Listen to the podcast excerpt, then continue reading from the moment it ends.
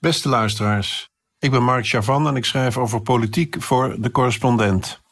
Ik wil jullie zo mijn politiek dagboek van deze week voorlezen. Dat gaat over de vraag waarom Nederland chronisch te laat komt met belangrijke beslissingen. Stikstof, defensie, gas, noem maar op. Hier komt ie.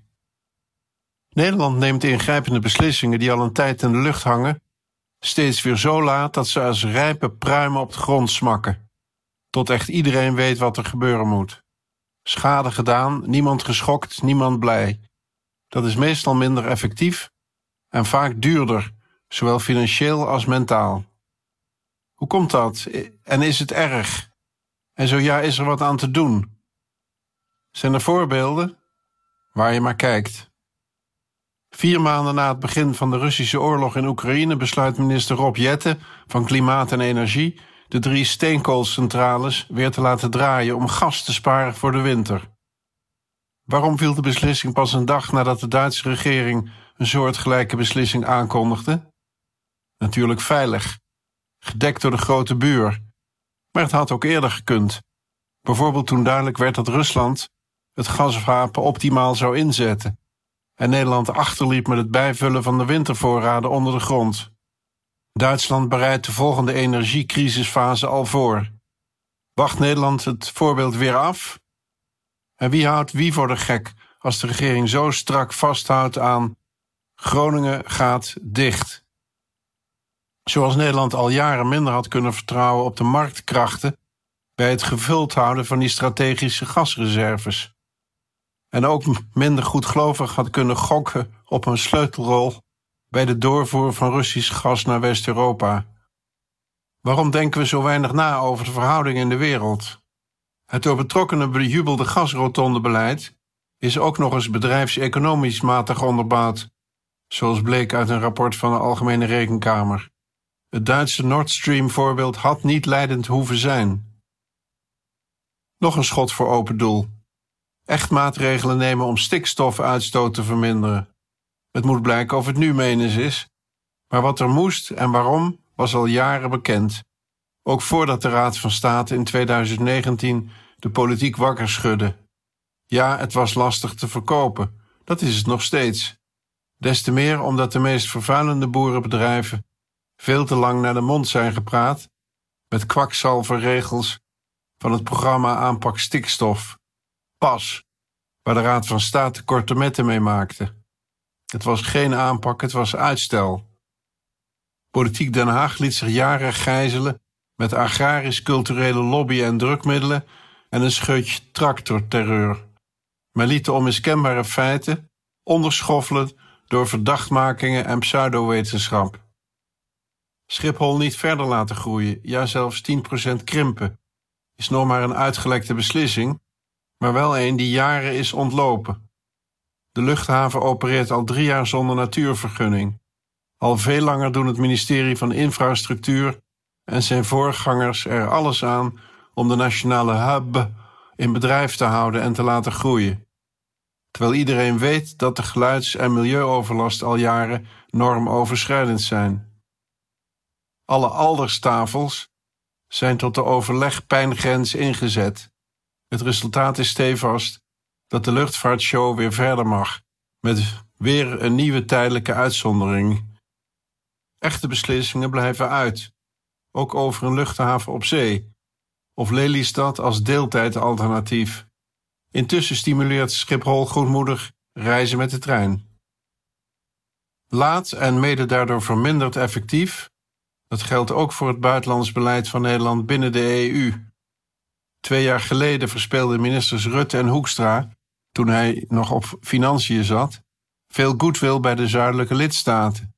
Toen zij zich verzetten tegen EU-coronasteun aan de meest getroffen economieën. Die is er uiteindelijk toch gekomen. Net als de door Nederland verafschuwde euro-obligaties. Waarom zo lang remmen en sceptisch zijn als je toch uiteindelijk mee moet met de stroom? Het was een voorbeeld van gedrag dat het imago van Nederland als zure accountant bevestigde met negatief rendement. Misschien heeft Nederland er wat voorwaarden uitgesleept, maar je wordt extra uitgelachen als je daar zelf niet aan kan voldoen. Eenzelfde vruchteloze opstelling koos Nederland ten opzichte van Oekraïnes verzoek kandidaat lid van de EU te mogen worden. Lang nee schudden, moeilijk moeilijk zeggen, procedures zijn er niet voor niets, dat gaat heel lang duren, we kunnen de andere Balkanlanden niet overslaan, om vervolgens laat toch door de pomp te gaan en twee keer pijn lijden. Het grootste bewijs misschien dat Nederland als blinde mol de internationale verhoudingen beleeft, is de omgang met de krijgsmacht. De meeste West-Europese landen plukten het vredesdividend na de val van de muur in 1989. Maar de uitspraken en gedragingen van Vladimir Poetin lieten de oostelijke en Baltische lidstaten sindsdien geen enkele ruimte voor opportunistische vredesillusies. Hoe kon Nederland zo hardleers en onnozel zijn om de krijgsmacht tot op het bot kaal te bezuinigen? De tanks te verkopen, eerst bijna geen opvolger van de F-16 straaljagers te bestellen en nu nog steeds geen kans te zien de opvolgers van de huidige vier onderzeeboten dit decennium te regelen.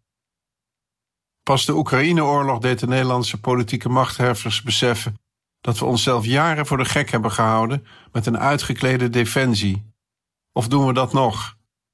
Voor 2024 en 2025 wordt uiteindelijk de NAVO-norm van 2% van het bruto binnenlands product gehaald. Maar uit de voorjaarsnota blijkt dat de regering daarna alweer onder die norm zakt. Dus het besef dat Nederland jaren geparasiteerd heeft op de Verenigde Staten en andere wel serieuze NAVO-landen is maar oppervlakkig doorgedrongen. In ieder geval komt het besef dat de krijgsmacht dringend moet worden gerenoveerd rijkelijk laat, voor het geval de Oekraïneoorlog zou overslaan naar West-Europa. Dit is geen debatonderwerp. Het gaat om het verdedigen van onze vrijheid en manier van leven. Een ander uitstel dossier van opeenvolgende kabinetten is de belasting op vermogenswinst. Al jaren was bekend dat het systeem tekortschoot. Weer was het de rechter die de regering moest herinneren aan de onrechtmatigheid van belastingheffen op fictieve en meestal niet te halen inkomsten uit vermogen. Het kabinet zit er nu mee in de maag. Snelbox 3 repareren blijkt heel lastig. Plannen voor een meer rechtvaardige belasting van overige vermogenswinsten en van inkomsten van directeuren groot aandeelhouder zijn nog niet eens in zicht. Zoals vrijwel iedereen weet dat de hypotheekrenteaftrek de woonmarkt scheef heeft getrokken, wordt er maar mondjesmaat wat aan gedaan. En dus heel laat. Waarom steeds micro debatteren en macro niet zien? Het recente debat over de voorjaarsnota, het stuk dat het meeste lijkt op een eerste begroting van het kabinet Rutte 4, ging voornamelijk over 500 euro erbij voor hard getroffen middengroepen. Een belangrijk doel, maar was het niet zinvol geweest ook de veronderstellingen onder de gemaakte keuzes grondig te bespreken? Het aanspreken van de grote stikstof- en klimaatfondsen als algemene reservepot en de betrekkelijk ongerichte energiesteunmaatregelen waren zeker een goed gesprek waard geweest. Maar we schuwen het grote beeld de Nederlandse politiek in binnen- en buitenland wordt graag concreet, specifiek en mist het bredere beeld. En de laag erboven, ideeën. En helemaal de laag daar weer boven, idealen. Liever nog een kwartiermaker of een regieorgaan benoemd. En dus komen we te laat. Waarom al die grote keuzes als de jus er al af is? Omdat we ons collectief klein maken als het over grote kwesties gaat? Denken dat als we ons parmantig indekken het probleem vanzelf wel overgaat, omdat niemand de verantwoordelijkheid wil nemen voor markante beslissingen die uitleg en context vergen, omdat niemand zichtbaar de leiding wil nemen, omdat we geen helder zelfbeeld hebben en dus niet zien hoe we internationaal vaak negatief en remmend overkomen. Nederland hoeft niet de wijkverpleegkundigen van de EU te gaan uithangen, maar nu de Britten weg zijn en de oorlog een nieuwe grotere EU vraagt, zijn er nieuwe kansen voor Den Haag om een positieve, constructieve rol te spelen, oplossingen bedenken, ideeën testen, meerderheden zoeken, een brugfunctie vervullen tussen de grote landen, tussen Oost en West. Er is werk aan de winkel voor de grootste van de kleinere landen. Dat is Europees belang en Nederlands belang. Maar het is nog niet te merken dat Rutte en Hoekstra die rol zien en met overtuiging vervullen. Hoe kan Nederland van afwachtend zich ontwikkelen tot mede vormgevend, van remmend naar nuttig, van sceptisch naar enig medeleven uitstralend? Waarschijnlijk moet eerst het zelfbeeld van Nederland dichter bij de werkelijkheid worden gebracht en daarna met recht verbeterd. Van solidair maar weinig doend naar sloom en dan weer naar behulpzaam. Van best georganiseerd naar in wezen vrij rommelig, naar hardwerkend. Van trots via verongelijkt naar empathisch. Zoals Nederland de Oekraïne guldag te helpen. Eerst helmen, daarna houwitsers. Een bescheidener en realistischer zelfbeeld is een goed begin. Openlijk erkennen dat we op een paar gebieden het nodige kunnen leren van anderen. Vaccinatiebeleid deden we op onze eigen manier. Behoorlijk laat. En mondkapjes hadden we niet nodig, tot we ze wel nodig hadden. Laat inzicht, zelden toegegeven. Hoe kunnen politici echt verantwoordelijkheid nemen? Door een collectief zelfbeeld uit te dragen dat gebaseerd is op feiten door systematisch hoofd- en bijzaken te onderscheiden. Gert-Jan Segers en Laurens Dassen gaven de Tweede Kamer in de Volkskrant daar een goede voorzet toe. Het kan ook door te blijven knokken voor gemeenschappelijke feiten. Zoals de nationale ombudsman onlangs zei: feiten zijn geen feiten, maar worden gemaakt, liefst in gezamenlijkheid. Of iemand moet het gezag hebben om de feiten vast te stellen. Eigen feiten bestaan niet. Door deskundigheid als deugd te behandelen kan het ook. En gezamenlijk serieus vooruit te denken. Wat als? Dat lukt niet met hoofdambtenaren die trots uitdragen dat ze met z'n allen van hun gezond wisten bij het begin van de coronacrisis. Zie het gesprek op de correspondent met de toen hoogste ambtelijke baas van volksgezondheid. Zijn er ook voorbeelden van tijdig genomen belangrijke beslissingen?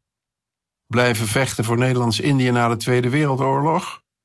Belangrijk zeker, maar eerder eenzaam dan tijdig, eerder misplaatst dan moedig. Tijdgeest ook toen internationaal niet goed begrepen.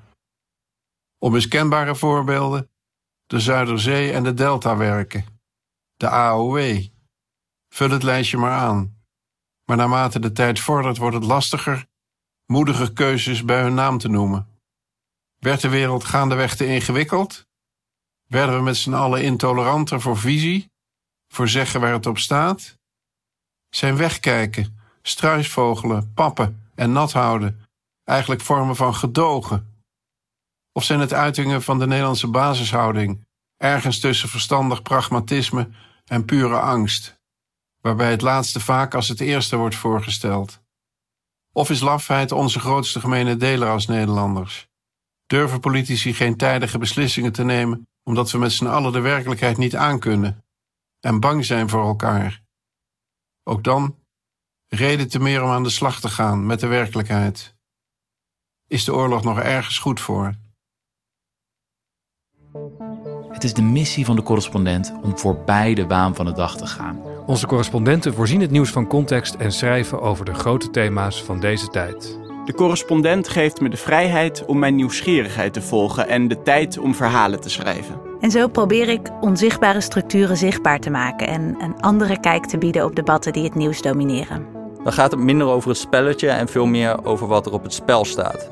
Vanaf dag 1 zijn onze artikelen, boeken en podcasts gefinancierd door onze leden. Volg ons op onze journalistieke zoektocht. Overweeg eens lid te worden van de correspondent. En maak daarmee samen met ruim 70.000 anderen onze onafhankelijke journalistiek mogelijk. Dus word lid van de correspondent. Ja. Word lid. Word lid.